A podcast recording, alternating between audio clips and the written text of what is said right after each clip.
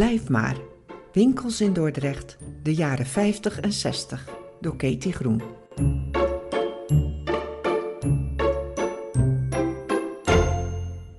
Een voorloper van de kookwinkel.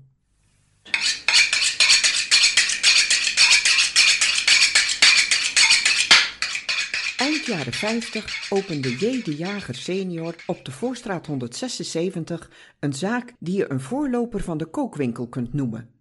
In 1948 richtte de jager het bedrijf op in Rotterdam en de winkel aan de Dordtse Voorstraat was een filiaal in winkelinstallaties, gereedschappen en machines voor de slagerij en horeca.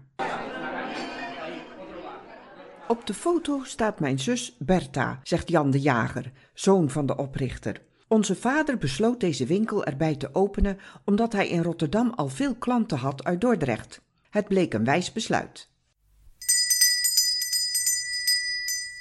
De winkel werd druk bezocht. We hadden niet alleen ondernemers als klant, maar er kwamen ook veel particulieren. Je kon immers professionele gereedschappen kopen voor in je eigen keuken thuis.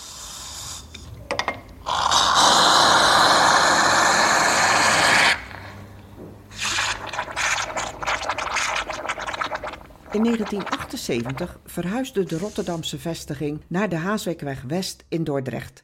En inmiddels hebben de zoons van Jan de Jager het bedrijf voortgezet aan de Carneol in de Dordtse Kil 3.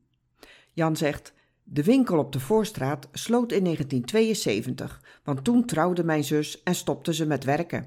Zo ging dat in die jaren.